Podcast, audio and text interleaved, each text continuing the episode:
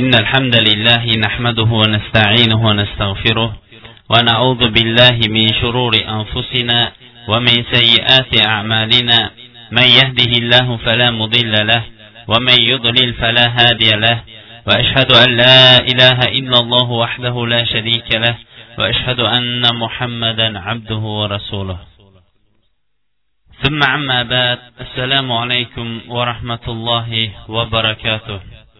Odatdagidek suhbatimizni boshlashdan avval biz alloh subhanava taoloning go'zal ismlari va oliy sifatlari bilan ushbu majlisimizni muborakli va turli xato va kamchiliklardan xoli bo'lgan majlislardan qilishligini tarqalishligimizda esa alloh taoloning ilm halaqalarini qidirib yuruvchi farishtalari bizlarga qarata ey ollohning bandalari endi sizlar o'rninglardan turaveringlar vaholanki sizlarning gunohinglar endi kechirilindi degan majlislardan qilishligini so'rab suhbatimizni boshlaymiz. Darhaqiqat insonning hayotida nihoyatda ko'p voqealar bo'ladi. Inson gohan safar qiladi gohan muqim turadi gohan yangi va boshqa o'ziga o'zi tanimagan shaxslar bilan uchrashadi. O'zining tabiiy holatlarini o'zgartiradi va har biri uchun ham o'ziga yarasha turli ibratlar darslar va namunalar oladi. Bugun biz yuritmoqchi bo'lgan suhbatimiz o'zimiz nihoyatda qattiq ta'sirlangan va ko'p ibratlar olgan va eng katta va buyuk bo'lgan safar taassurotidir u ham bo'lsa haj taassurotlaridir. Insonlarning ko'pchiligi safarga chiqishadi. Lekin bu safarlar turlicha safar bo'ladi. Ba'zilar ibodat maqsadida chiqqan safar xuddi haj safari ilm talab qilish safari va shunga o'xshash boshqa safarlar. Ba'zilar esa dunyoviy safarlar. Bu dunyoviy safarlarni ham ibodatga aylantirsa bo'ladi va odatga aylantirsa ham bo'ladi. Ibodatga aylantirishi halol rizq qidirib allohning rizqini qidirib chiqishlik ham inshaalloh ibodatlar turkumiga kiradi. Demak tijorat uchun safar va boshqa boshqa dunyoviy safarlar bular ham safar hisoblanadi. Aslidachi inson o'zining diyorlaridan o'zga diyorlarga chiqishligi umumiy safardir. Lekin insonlar safarda turli taassurotlar egasi bo'ladi. Albatta buning uchun safarga borayotgan insonning maqsadi va borayotgan o'rni ham katta bir ahamiyatga egadir. Lekin bizni safar allohga hamdlar bo'lsinki ulug' ibodatlarning bittasidir. Alloh taolo ibrohim alayhissalomga buyurgandan buyon insonlarning hammasi o'sha diyorlarga muqaddas o'rinlarga boradigan ulug' safar haj safari edi. Biz haj safariga chiqdik. Alloh subhanahu va taolo umumiy yer yuzida sayr qilib turli ibratlar olishlik haqida ham qur'oni karimda ko'p o'rinlarda bayon qilgan ekan o'shalardan أعوذ بالله من الشيطان الرجيم أفلم يسيروا في الأرض فينظروا كيف كان عاقبة الذين من قبلهم ular bir yerda sayr qilib yurib o'zlaridan avvalgi qavmlarning oxir oqibati nima bo'lganligini bir ko'rmaydilarmi Ulardan bir ibrat namuna olmaydilarmi deyapti. Demak safar qilishlikda ham inson o'ziga yarasha o'tgan qavmlardan qolgan asorotlarni ko'rib va o'zga qavmlardan ba'zi bir taassurotlarni olib turib ibratlanishligi ham bizlar uchun qur'oni karim ishora qilgan amallarning bittasi ekan. Bizni safarimiz ham ibodat ham yer yuzidagi musulmonlarning ba'zilarini ko'rishlik va eng muqaddas bo'lgan hammamiz ham yuzimizni u tomonga burib turib namoz o'qiydigan duo qiladigan qo'yingchi hammamizning ham qiblagohimiz bo'lmish kabatullohga safar qildik. Safar qilishligimizdan avval alloh taoloning amriga binoan o'zimizga munosib bo'lgan shaxslarni va munosib bo'lgan ashyolarni oldik. Zeroki alloh taolo aytadiki billah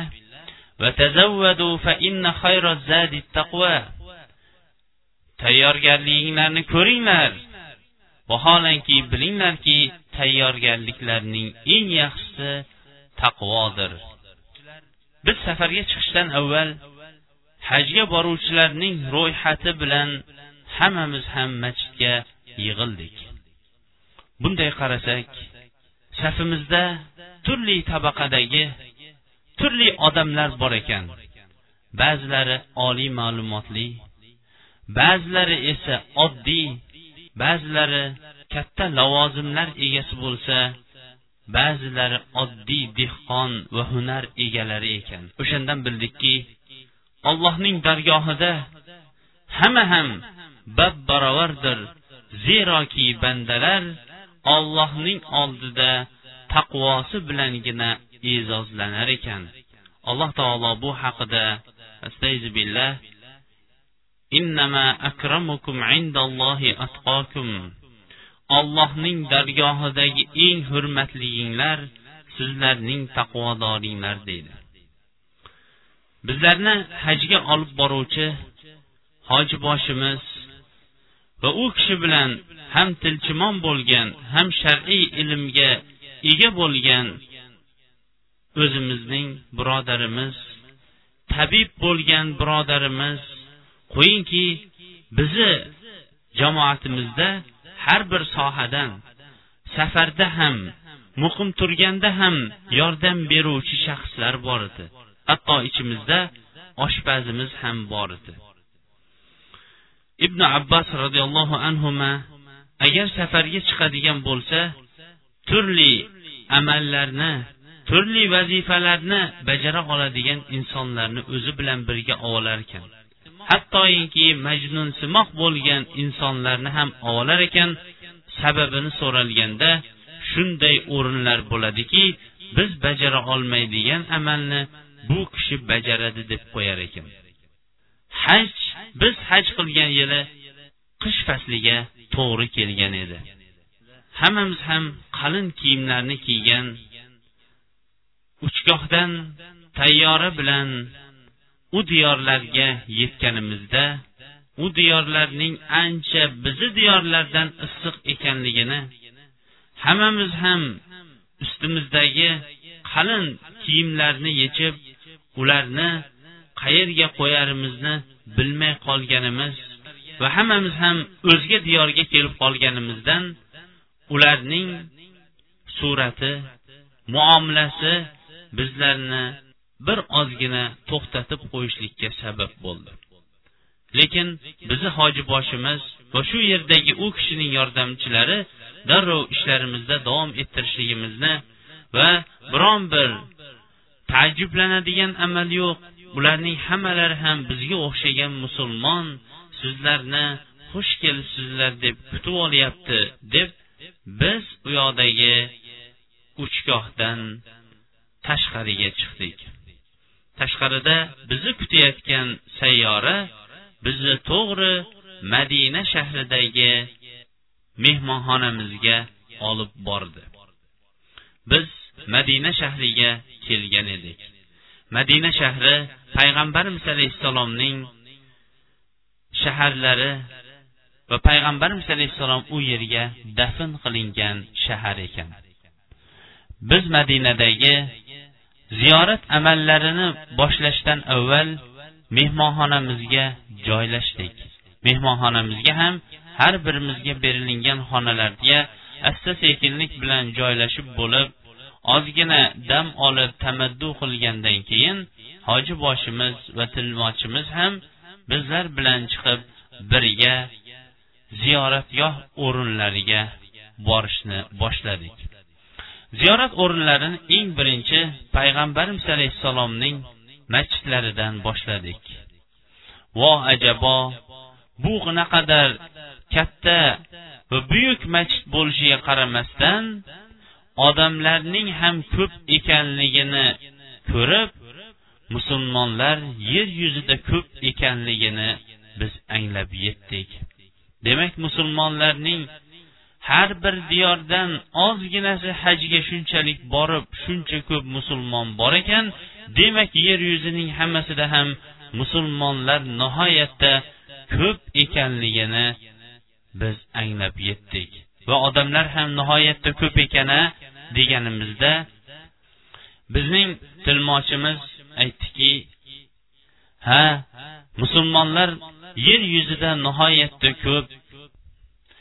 Payg'ambarimiz alayhissalom merojga ko'tarilganda payg'ambarlar va ularning ummatlari ko'rsatilgan. Bu tomonga qarang deganda nihoyatda katta bir qora to'dani ko'rib bu mening ummatim bo'lsa kerak deganlarida yo'q bu muso va uning qavmi. Ammo siz ufq tomonga qarang deyilibdi. Payg'ambarimiz alayhissalom ufq tomonga qarasa bu tomonning hammasini ham nihoyatda qora olomon to'da to'ldirib soni nihoyatda ko'p bo'lib mana bu sizning ummatingiz deb ko'rsatilgan ekan. Haqiqatdan ham payg'ambarimiz alayhissalom olib kelgan bu yo'l islom yo'li musulmon ummati yer yuzida nihoyatda ko'pdir. Biz payg'ambarimiz alayhissalomning masjidlariga yetgunga qadar turli ranglardagi turli irqdagi turli liboslardagi va turli shakldagi bir qancha musulmonlarni ko'rib o'tdik. Payg'ambarimiz alayhissalomning masjidlariga kirib ikki rakat namoz o'qidik. Va bizga aytishdiki bu yerda o'qilingan namoz har bir rakati kamida boshqa masjidlarda o'qilingan ming rakat namozdan afzal ekanligini va ko'proq va hamma ibodatlarimizni modomiki madinada bo'lib turar ekanmiz mana shu masjidda o'qishligimizni tilmochimiz bizga ta'kidlab aytdi. Keyin biz masjidda ikki rakat namoz o'qib masjidni ziyorat qilib aylanib o'tib payg'ambarimiz alayhissalomning qabrlarini ziyorat etib u kishiga salom berish niyatida qabrlari oldiga keldik. Olomonning oldida bizga tilmochimiz ta'kidladi. Aytdiki bu payg'ambarimiz alayhissalomning qabri deb ko'rsatilgan o'rinda faqatgina payg'ambarimiz alayhissalomga salom beringlar xolos. Duo qilmoqchi bo'ladigan bo'lsanglar tashqariga chiqib qiblaga qaragan holatda duo qilinglar dedi. Biz nihoyatda olomon ko'p bo'lganligi uchun buning sababini ko'p so'ray olmadikda tilmochimiz aytgan amrga itoat qildik. Zeroki bizga aytilingan edi har bir musulmon o'zining boshlig'iga itoat qilishligi ham islomdagi amallarning bittasi deb. Biz payg'ambarimiz alayhissalomning qabri deb ko'rsatilingan joyga assalomu alaykum ya rasululloh sollallohu alayhi vasallam deb salom berdik va yonlaridagi ikkita do'stlariga assalomu alaykum ya aba bakr. Assalomu alaykum ya umar deb ularga salom berib o'tdik.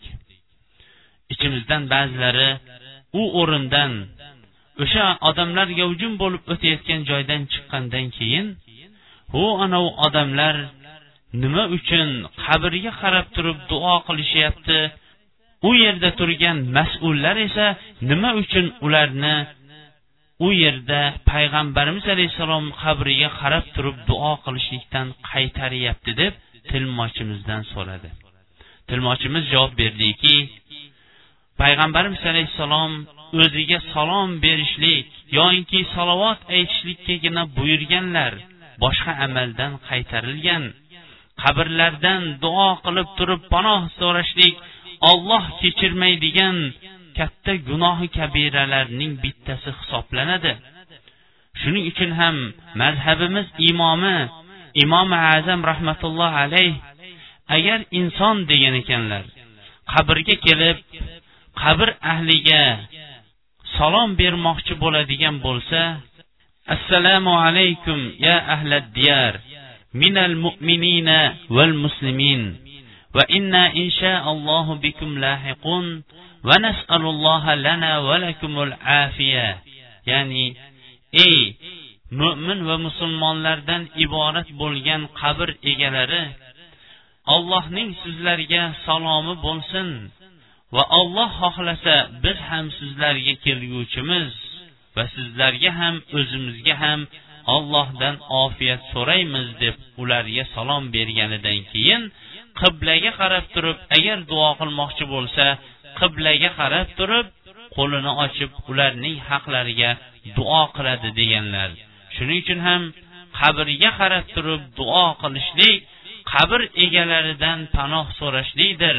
Payg'ambarimiz alayhissalom payg'ambar bo'lsalar ham ular vafot etganlar ular inson bo'lganlar foyda ham bera olmaydi zarar ham bera olmaydi g'aybni ham bilmaydi endi u kishidan yordam so'rashlik panoh so'rashlik olloh kechirmaydigan shirk gunohi bo'lganligi eng katta gunoh bo'lganligi uchun ham bu yerdagi mas'ullar olloh ulardan rozi bo'lsin bu gunohdan insonlarni qaytaryapti deb bizga tushuntirdi.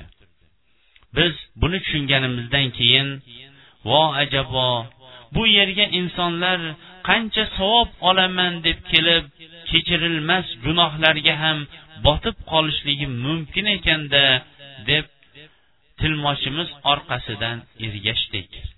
Payg'ambarimiz alayhissalomning qabrlaridan sal nariroqda baqiy qabristoni bor ekan. U yerda deb bizga tushuntirishdi o'n mingdan ortiq sahobalar olloh ulardan rozi bo'lsin dafn qilingan ekan. U yerga borganimizda biz nima qilaylik endi? Duo qilaylikmi salom beraylikmi deganimizda salom berasizlar. Tepada biz o'rgatgan duo bilan salom berasizlar xolos. Duo qilmoqchi bo'lsanglar qiblaga qarab turib duo qilasizlar. U yerdan biron bir qabrning tuprog'ini ham olmaysizlar toshiga ham tegmaysizlar. Va biron bir amalni ulardan yordam madad masalalarini ko'tarmaysizlar deb bizlarni uqtirgan holatda tilmochimiz baqiy qabristoniga olib bordi. Biz o'yladikki baqiy qabristoni payg'ambarlardan keyingi eng afzal insonlar bo'lmish sahobalar dafn qilingan bo'lsa o'zlari hayot davrlarida o'zlari jannatiy ekanligini eshitgan buyuk avliyolar shu yerda bo'ladigan bo'lsa ularning qabrlari qanchalik bezatilgan ekan ularning qabrlari qanchalik marmarlar bilan ko'tarilgan ekan degan tasavvur bilan baqiy qabristoni eshigiga borib qabriston ichiga nazarimiz tushar ekan bizni katta bir taajjub qamrab oldi. Chunki biz uchun ko'rsatilingan o'sha buyuk avliyolarning qabristoni yer bilan barobar bo'lib turgan edi. Ba'zi bir qabrlarning bosh tomonigami yo boshqa o'rnimi biz bilmaymiz mushtdaygina tosh turardi xolos. Biz ajablanib axir siz aytgan edingizku sahobalar payg'ambarlardan keyingi eng buyuk zotlar sahobalar hayotlarida jannatiy ekanligidan xabar olgan xabardor bo'lgan zotlar sahobalar olloh ulardan rozi bo'lgan zotlar bo'lsa nima uchun bularning qabrlari bizni diyordagi oddiy insonlarning qabrlari marmar toshlar bilan bezatilayotgan vaqtda nima uchun bular bezatilinmaydi bular bezatilishlikka haqli emasmi deb tilmochimizdan so'raganimizda bizga tilmochimiz aytdiki asl shariatimizda qabrlarni bir qarichdan yuqori qilib ko'tarishlikdan qaytarilgandir. Payg'ambarimiz alayhissalom makkani fath qilgandan keyin ali roziyallohu anhuni atrof diyorlariga yubordi. Yuborishligidan avval agar biron bir but ko'radigan bo'lsangiz uni tilka pora qilib yer bilan yakson qiling. Baland qilib ko'tarilgan qabrni ko'radigan bo'lsangiz uni ham yer bilan tekislab qo'ying deb buyurdilar. Shariatimizda qabrni bir qarishdan yuqori qilishlik bu qaytarilgan amal hisoblanadi. Mana sizlar endi ko'zinglar bilan ko'rib turibsizlar. Yer yuzida bulardan ko'ra buyukroq avliyolar o'tmagan lekin ularning qabrlari yer bilan barobardir ularning qaysi biri kim ekanligini ham bilmaysiz. Qabrlar mana shunday bo'lmoqligi kerak. Imom muslim rivoyat qilgan hadisda payg'ambarimiz alayhissalom qabrlarning ustiga o'tirishlikdan qabrlarni baland ko'tarishlikdan qabrlarning ustiga sement quyishlikdan va qabrlarning ustiga chiroq yoqishlikdan qaytarganlar dedilar. Biz o'shanda vo ajabo biz diyorlarimizda qabrlarimizni baland ko'tarib unga turli shiorlar she'rlar bilan marmarlarni ko'targanimiz endi nima bo'ldi? Bu ham xatomi deb so'raganimizda tilmochimiz aytdiki ha bu nihoyatda katta xatodir. Ulamolar buning harom ekanligini qattiq bayon qilishgan. Hatto ba'zilari shunchalik ravishda qattiq turib aytishganki kim endi otamga onamga ularning hayotida ko'p yomonliklarni qildim. Endi vafot etganidan keyin ham ularga yomonligimni davom ettiray deydigan bo'lsa ota onasining yo yaqinlarining qabrining ustiga marmar tosh qo'yadi yoyinki mana shunday noshar'iy amallarni qabri ustida qiladi deb ulamolar mana shunday qattiq vaid bilan uni qaytarishgan dedi. Shu yerda ba'zilari savol berib bizning ham ota onalarimiz qabrlari ustiga marmardan qimmatbaho toshlardan mana shunday yozuvlar bilan qabrlarini bezagan edik. Endi borsak bu noshar'iy ular uchun savob emas azob olib kelganimizni endi tushunganimizdan keyin uni olib tashlasak bizga zarari yo'qmi? deganda tilmochimiz balki sizlar uchun foydasi va savobi bordir. Borgandan keyin eng birinchi qiladigan amallaringizning bittasi u marmarni olib tashlang dedi. Toshini qayoqqa qo'yamiz deganda uyingizga biron bir foydali o'ringa ishlatib yuboring dedi. Biz baqiy qabristonida aylanib yurar ekanmiz.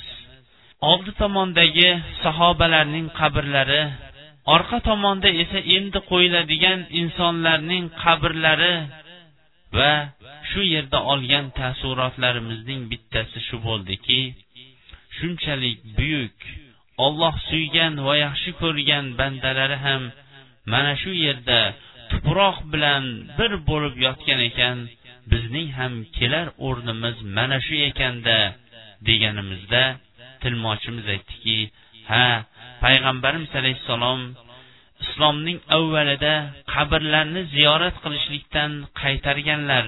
Chunki sahobalarning qalblarida hali ollohning o'zigagina ibodat qilish degan masala chuqur o'rnashmagan edi. Keyin ular shirkdan to'liq poklanishib yolg'iz ollohning o'zigagina ibodat qilish tavhid aqidasi ularda mustahkam o'rnashgandan keyin aytdilarki ala inni qad nahaytukum an ziyaratil qubur fazuruha fa innaha tuzakkirukumul akhirah ogoh bo'linglarki men sizlarni avval qabrlarni ziyorat qilishlikdan qaytargan edim. Endi ziyorat qilaveringlar chunki qabrlarni ziyorat qilishlik sizlarga oxiratni eslatadi deb aytganlar. Demak qabrlarni ziyorat qilishlikdan ikkitagina maqsad bor.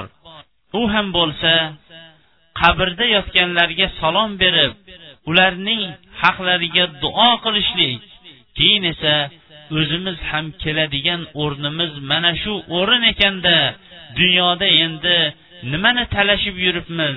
Dunyoda endi shu bir qarich yerni deb urushib yuribmizmi? Yoyinki bir tovoq oshni deb urushib yuribmizmi? Deb o'ziga yarasha ibrat olib qaytishdir. Boshqa narsa uchun qabr ziyorat qilinmaydi dedi.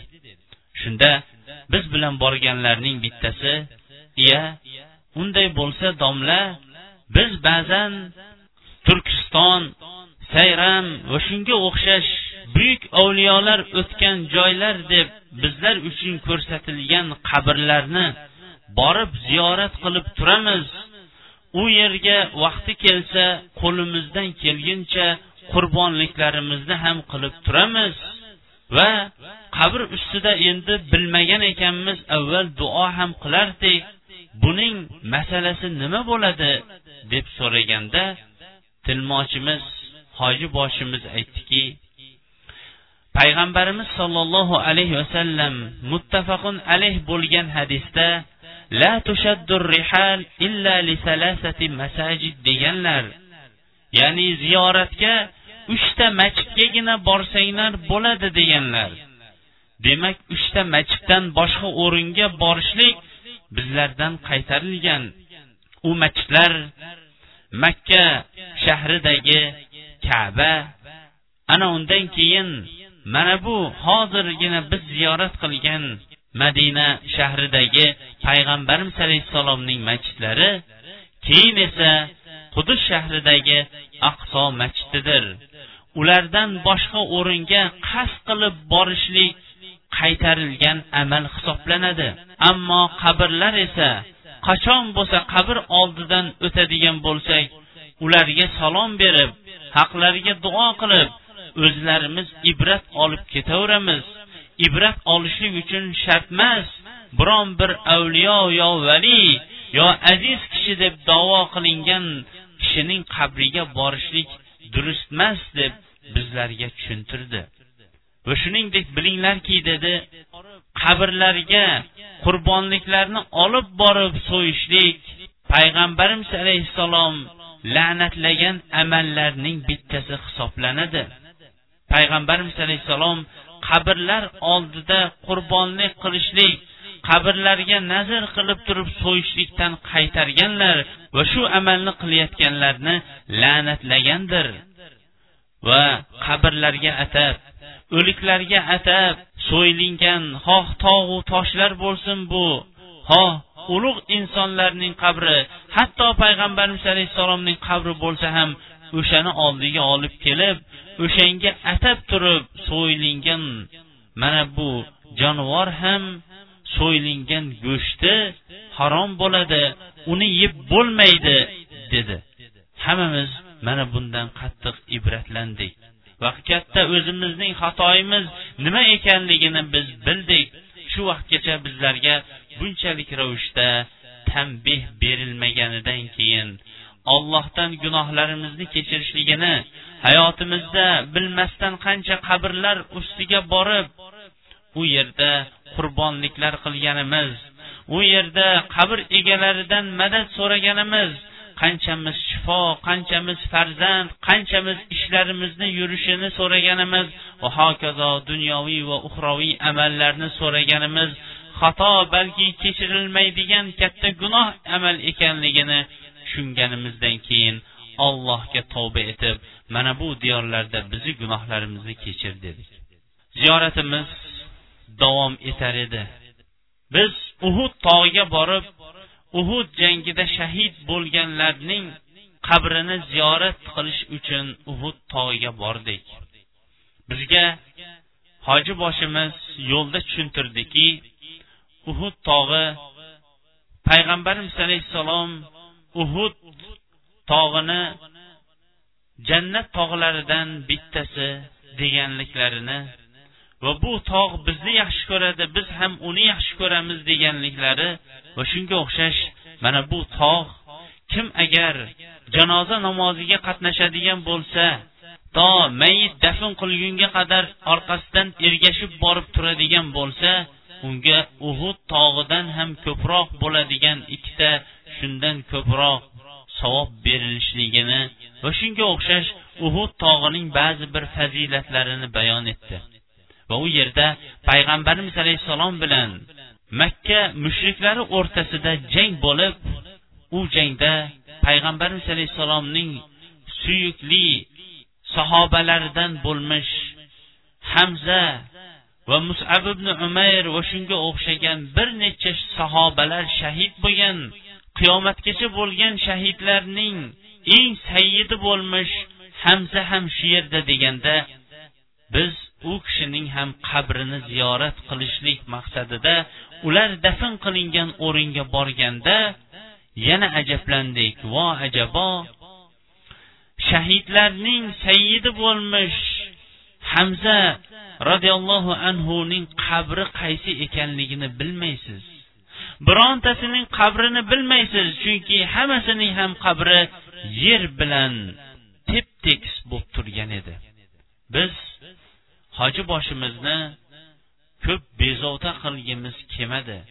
Lekin tushundikki masala qabrlarni orqadan turib obod qilishlikda emas ekan. Masala insonning o'zi hayotining o'zida oxiratini obod qilishlik uchun harakat qilib olmoqligi kerak ekan.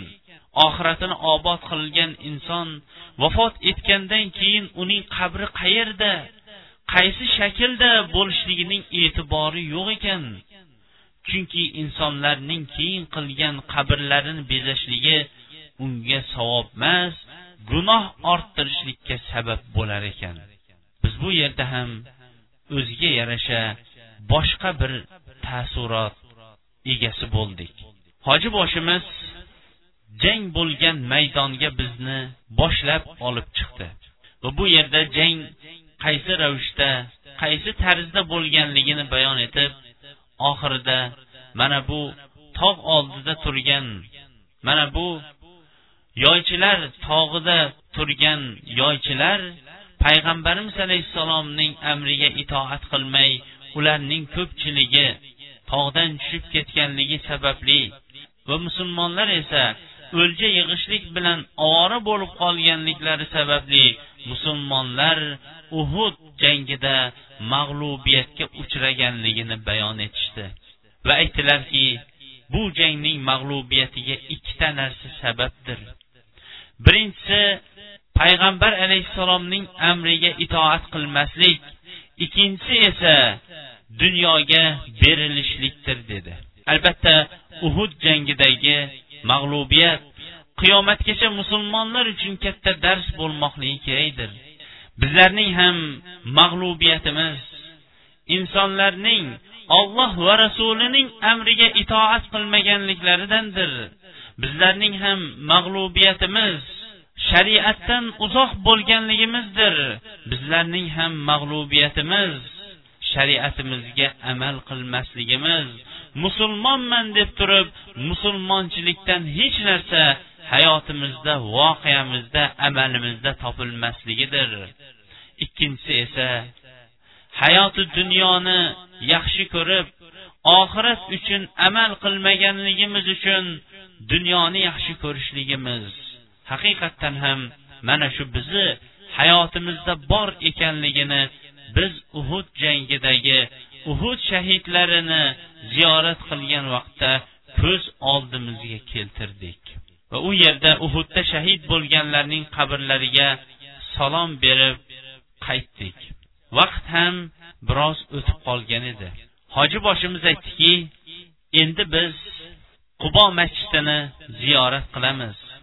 Bu masjid payg'ambarimiz alayhissalom madinaga kelishlaridan avval birinchi solgan va o'sha joyda ikki hafta o'tirib keyin madinaga hijrat qilib kelgan masjiddir payg'ambarimiz alayhissalom haftada bir marta bu masjidni ziyorat qilar edi va bu masjidga kim tahorat olib keladigan bo'lsa to'liq to'liq to'liq umra va hajning savobini oladi degan savobli va fazilatli masjid ekanligini bizlarga bayon qilib bordilar.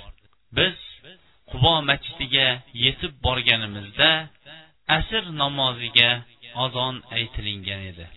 U yerda asr namozini jamoat bilan o'qishlik bizlarga nasib etgandi. Asr namozini o'qib tasbehlarni o'girib keyin bunday qarasak yoshlari nihoyatda yosh to'rt besh yoshdan tortib o'n uch o'n to'rt yoshgacha bo'lgan to'da to'da bolalar o'tirib olishib qur'on o'qishardi. Masjidning orqa tomonidagi bu halaqa halaqa bo'lib o'tirib olgan bolalarni hajga borganlar ajablanib tashqaridan kuzatishardi. Har bir halaqaning oldida bitta domlasi o'tirardi. O'n o'n besh bola bir halaqa o'n o'n besh bola ikkinchi. Va shunaqa bo'lib bu bolalar qur'onni ovozlarini baralla jarang ko'targan holatda qur'on o'qishardi. Hammamiz ham ular tomonga qarab tikilib qoldik. Keyin bizlarni ziyorat qildirib yurgan bizni hoji boshimizga bular kimlar? deb so'raganimizda bular mana shu qubo masjidi atrofida yashaydigan shu diyorning farzandlaridir. Shunda ichimizdagilarning ba'zisi bu madrasami? deb so'radi. Yo'q bu madrasa emas bu hammamiz ko'rib turganday masjid deganda boshqa bir kishi so'radiki ha bu arabistondagi bolalarning kundalik jadvali nimadan iborat? deganda bizga shunday bayon qilib berdi. Ertalab farzand ota bilan birga namozga turib bomdod namozini ado qilib kelgandan keyin ular nonushtalikni qilishadi. Nonushtani qilishgandan keyin farzand madrasaga ota esa ishga ketadi. Onalar ko'proq uy bekasi bo'lishadi. Farzand madrasaga borib to peshindan keyinga qadar o'qiydi. Ularning o'zlari o'qiyotgan madrasa yo maktab ikkovlari ham bir maktablarining tartiblari ham nihoyatda shariatimizga muvofiqdir. Boshlang'ich sinfdan to bitirguchgacha va oliy ilm makonlari ham ayollar bilan erkaklar ajralgan boshqa boshqa madrasada. O'g'il bolalar boshqa madrasada ayollar boshqa madrasada o'qiydi. O'g'il bolalar o'qiydigan madrasaga biron bir ayol kishi kirib ham dars bermaydi. Farzand to peshindan keyinga qadar madrasada bo'ladi. Madrasada albatta dunyoviy ilmlar ham bordir va o'zga fanlar ham va o'zga lug'atlar ham bordir. Har bir madrasaning o'zining alohida masjidi bor. O'quvchi peshin namozini o'qib uyiga qaytadi va tushligini qilib bo'lib asr vaqtigacha uxlaydi. Asrga azon aytilgan vaqtda har bir o'quvchi o'rnidan turib o'zining dahasidagimi mahallasidagimi qur'on halaqasiga yozilgan bo'lishligi kerak. Ularning taqriban to'qson va to'qson foizdan ko'pi qur'on halaqasiga qatnashadi. Bu maktablardan tashqariga o'qish xosatan qur'on yodlash halaqalari hisoblanadi. Asr namoziga yetib kelib domlasi bilan asrni o'qib to xufton namozigacha shu yerda qur'on yodlaydi. Uning maktabdagi kundaligi boshqa va qur'on yodlatadigan domlasi bilan bo'ladigan darsdagi kundaligi kundalik daftari boshqa bo'ladi. Yangi darsni olib darsini topshirib bo'lgandan keyin xufton namozini o'qib bo'lib farzand endi uyiga qaytadi. Uyda kechki ovqatini yeb bo'lib madrasasining maktabining darsini tayyorlab keyin uxlaydi va ertangi kuni ham shunday o'tadi dedi. Shunda bizni jamoamizdan hojilar jamoasidagi ko'pchilik boshini silkab ha bular uchun ko'chada bekor yurishlik o'zgalar uchun buzuqlik qilishlik ko'chada o'zgalarni qo'rqitishlik yoki yomon o'y kelishlik degan masalaga ham vaqti bo'lmas ekanda deganda bizni olib yurgan hoji boshimiz aytdiki arablarda ajoyib bir she'r bor yoshlik yigitlik bo'sh vaqt va pulning bo'lishligi yigitlarni nihoyatda buzadigan narsadir. Bizni yigitlarda esa bizni farzandlarda mana shuning hammasi bor. Shuning uchun ham ko'pchilik farzandlarimizning buzilishiga shu sabab bo'lyapti. Ammo bu tartib esa avvalambor farzandni iymon bilan aqida bilan tarbiyalaydi va farzand katta bo'lganida olim darajasiga yetib qoladi.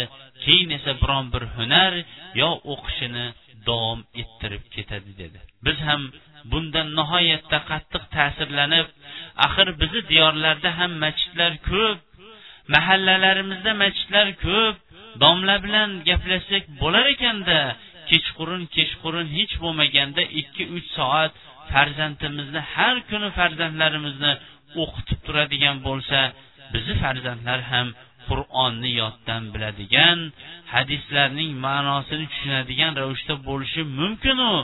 Degan taassurotni shu yerdan oldik. Yotoqga qaytar ekanmiz? Ko'pchiligimiz ko'p taassurotlar va ziyoratdan olgan savoblar ba'zimiz esa atrofdagi musulmonlardan ba'zilar esa atrofdagi do'konlar qo'yingki har kim o'ziga yarasha ko'p taassurotlar bilan mehmonxonamizga qaytdik. Kechki namozlarimizni payg'ambarimiz alayhissalom masjidlarida ado etib yotoqxonamizga qaytdik. Kechki taomni yeb tezroq uxlab ertalab tahajjud namozini payg'ambarimiz alayhissalom masjidida o'qiymiz dedilar hoji boshimiz hammamiz ham shu amalni bajarishlikka harakat qilib tezroq uxlashga harakat qildik. Ertalab bir birlarimizni uyg'otib tahoratni olib masjidga ketayotib ko'zimiz qop qora libos kiygan biron bir o'rni ko'rinmagan ayollar jamoasiga ko'zimiz tushdi. Va bular kimlar? Bunchalik ular o'zlarini o'rashgan deb so'raganimizda shu diyorning ayollari ularning liboslari paranjilari bular aytmoqchi hijoblari mana shu ravishdadir dedi. Bizdan ba'zilar so'rashdiki shartmidi hamma tomonini shunchalik bekitib olishligi ha bizni diyorlarda ham kattaroq ro'molni o'rab yurganlar boru u nima hijob emasmi deganlar bo'ldi. Hoji boshimiz to'g'rirog'i mana shudir. Rangidan e'tibori yo'q. Bu diyorlarda qora rangni kiyishlik odat bo'lgan. Lekin qaysi rang bo'lishidan qat'iy nazar? Ayol kishining hamma tomoni ham bekilgan bo'lishligi shariatimiz talab qilgan haqiqiy hijob paranji mana shundan bo'ladi. Axir esimizdan chiqib qoldimi? Yaqin kunlardagi momolarimiz o'rab yurgan boshlariga sovolgan paranji ham mana shunga o'xshagan. Ayol kishining hamma tomonini bekitib turardiku deganda ichimizdagi odamlarning ba'zisi e hozirgi qizlarimizga buni endi qanaqa qilib tushuntirardik? Ularning shim yoinki tor liboslarni kiyib yurishi u yoqda tursin endi qip yarim yalang'och ba'zilari bellarini ochgan ba'zilari esa ko'kraklarini ochgan va shunga o'xshash yarim yalang'och holatda odam ko'chaga chiqsa uyaladigan ravishda odam ko'chaga chiqolmaydigan holatda bo'lib qoldi. Qaniydi bizni diyorlarda ham bizni qizlarimiz mana shunday o'ranishganida deganda hoji boshimiz ha ota to'g'ri aytasiz. Har bir er kishi bo'lsin ayol kishi bo'lsin hayotining hammasini shariatimiz buyurganday qilar ekan o'shanda saodatini hayotning saodatini topadi. Qarang mana shu ayol kim ekanligini kimning ayoli ekanligini va uning suratini hech kim ko'rmaydi bilmaydi ham. Uyiga ham mana shu holatda kirib boradi o'zgalarning ham nafsini buzmagan o'zi ham buzilmagan holatda o'zining turmush o'rtog'ining ham ko'nglini xotirjam qilgan holatda.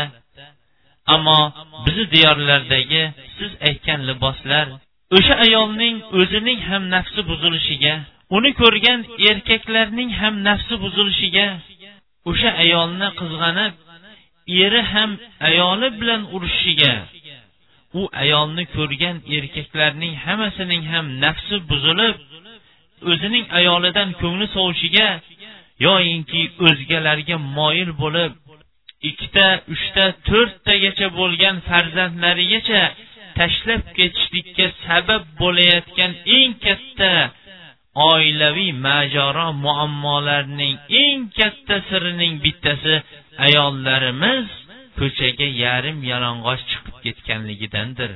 Ayollarning yarim yalang'och bo'lishligi nafaqat kattalarda balki yoshlarning ham bolalarimizning ham tarbiyasini buzib yuboryapti. Ayollar hijobda yurishligi ular uchun namoz o'qishlik farz bo'lganga o'xshash ular hijobda yurishligi ham farzdir.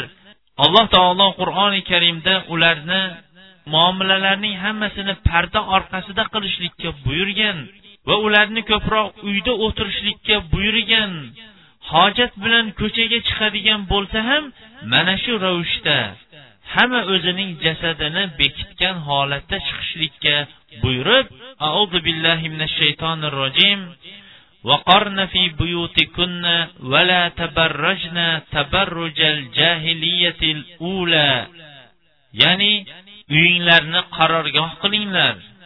Uyda o'tiringlar.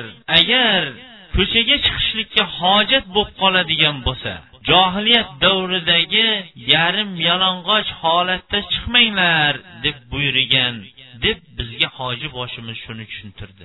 Bizlarning ichimizda ko'pchiligimiz ayollarimizning qizlarimizning mana shu suratda mana shu liboslarni yevropa yevropa liboslarini kiyishlikka biz erkaklar sabab emasmizmi?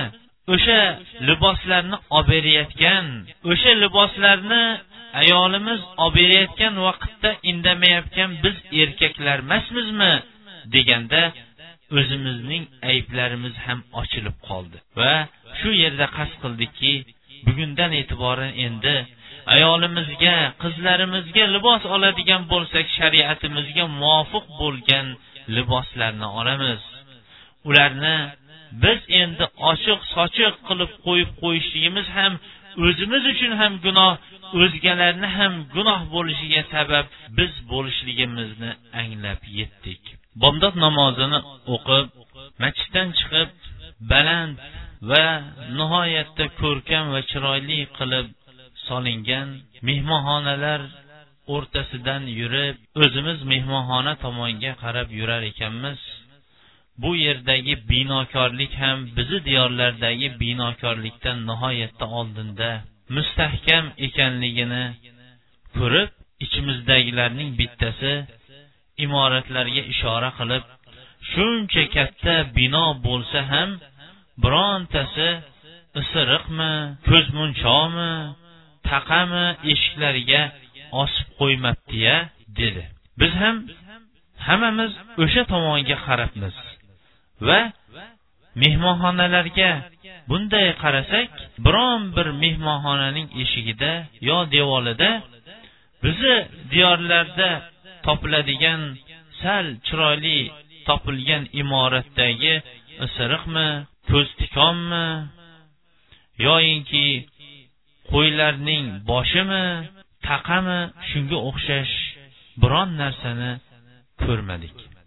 Buni eshitgan hoji boshimiz kulib o'ylangchi o'sha ko'z tikon isiriq taqa va hokazo mana shunaqa narsalar nima uchun osiladi deganda haligi kishi ko'zdan va yomonlikdan saqlash uchunda dedi.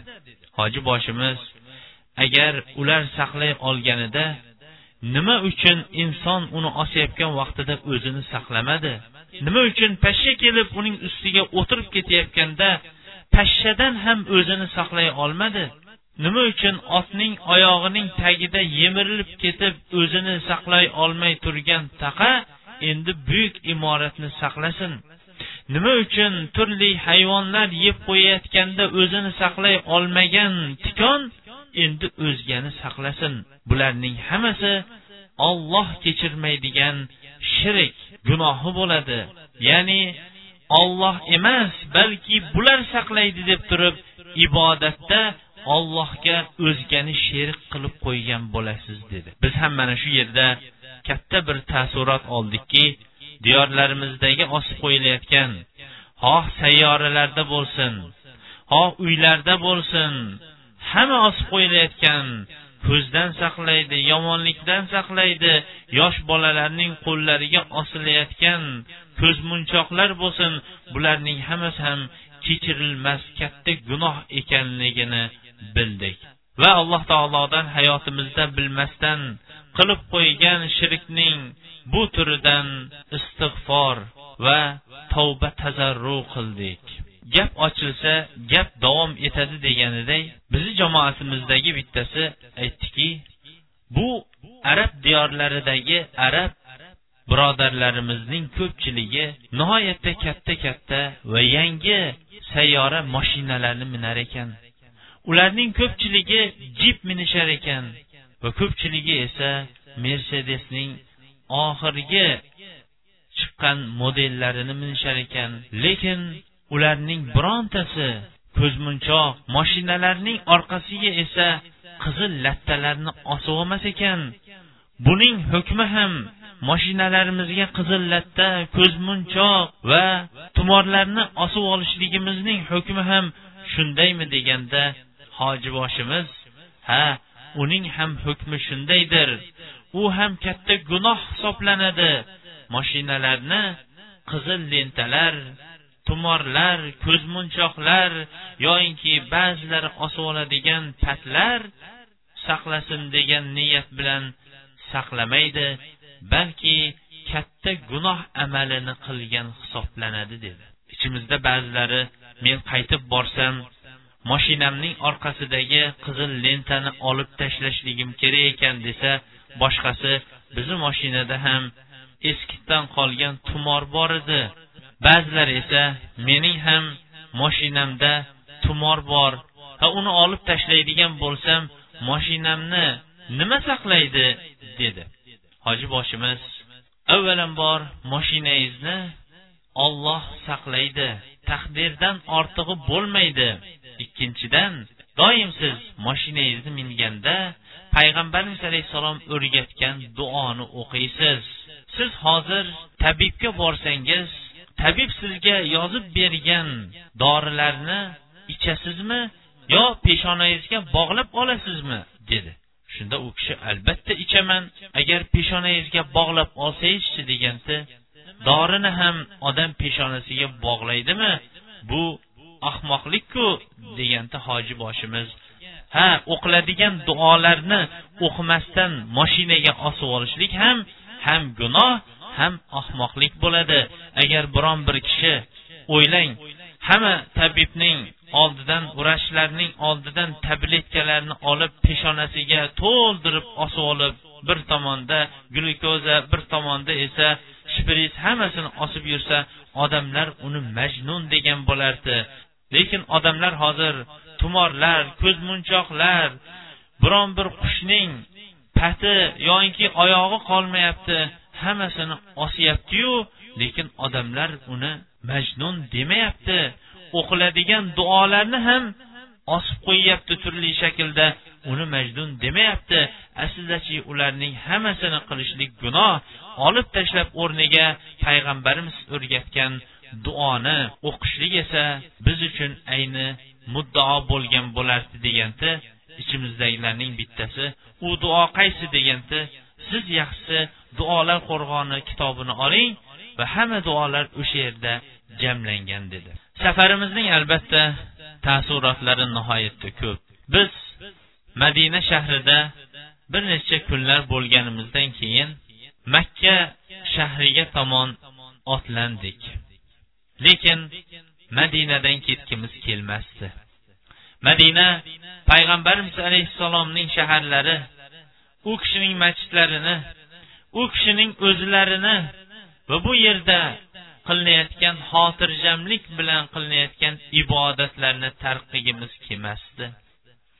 Ayniqsa bu shahardagi tinchlik barakot insonlarning muomalasi va xushfe'llik bularning hammasi bizlarga nihoyatda qattiq unab qolgan edi.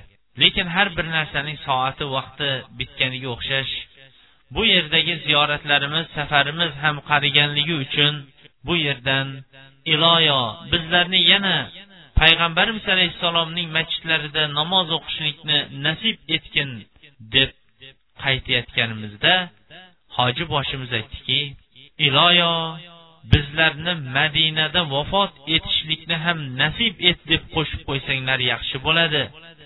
Chunki payg'ambarimiz alayhissalom kim madinada vafot eta oladigan bo'lsa ya'ni vafot etishlikka imkon topa oladigan bo'lsa madinada vafot topsin deganlar.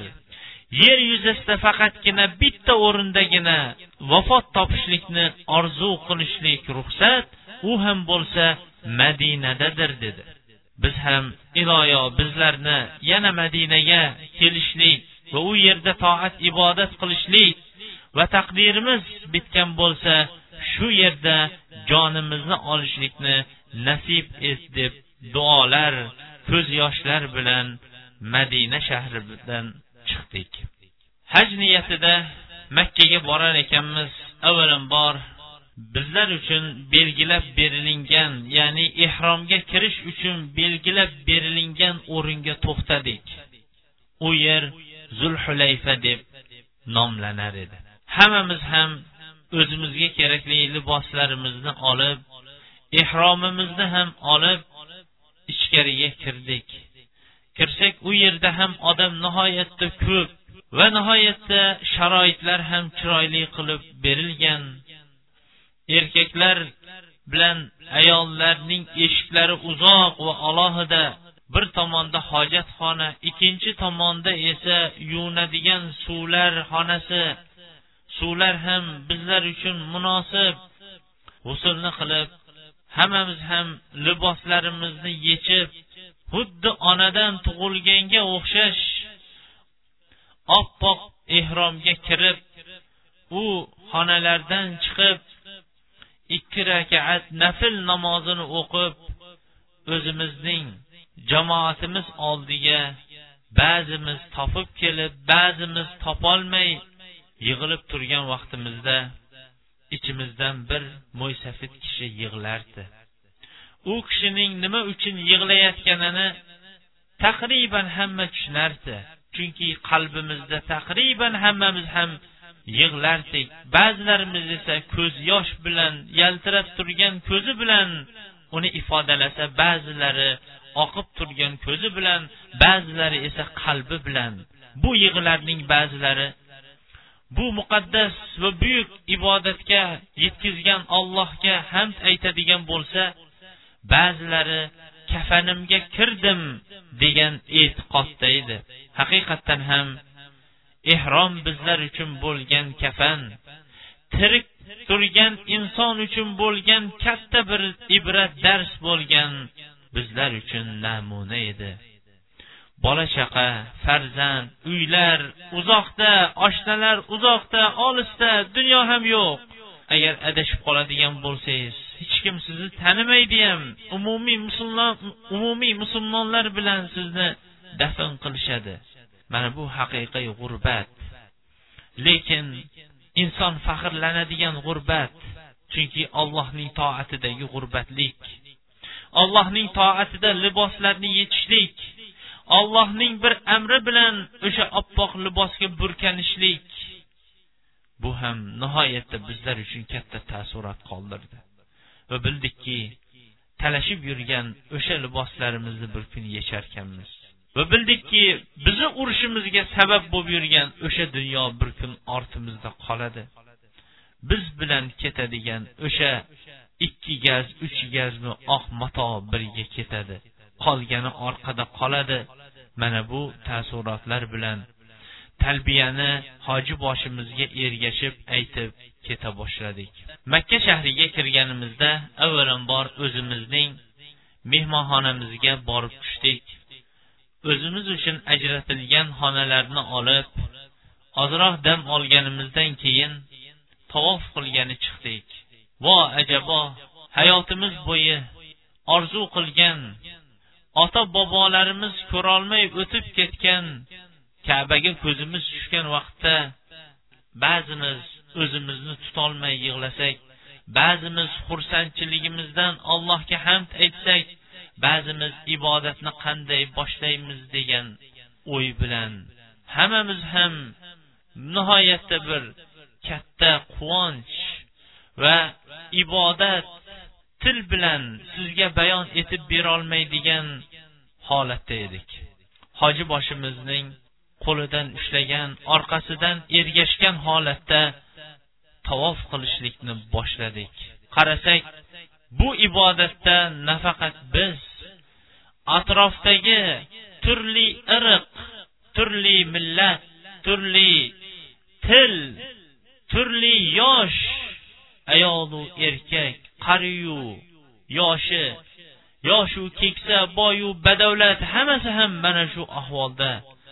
Ollohni tilga olgan yodiga olgan ba'zisi ko'z yosh qilgan holatda.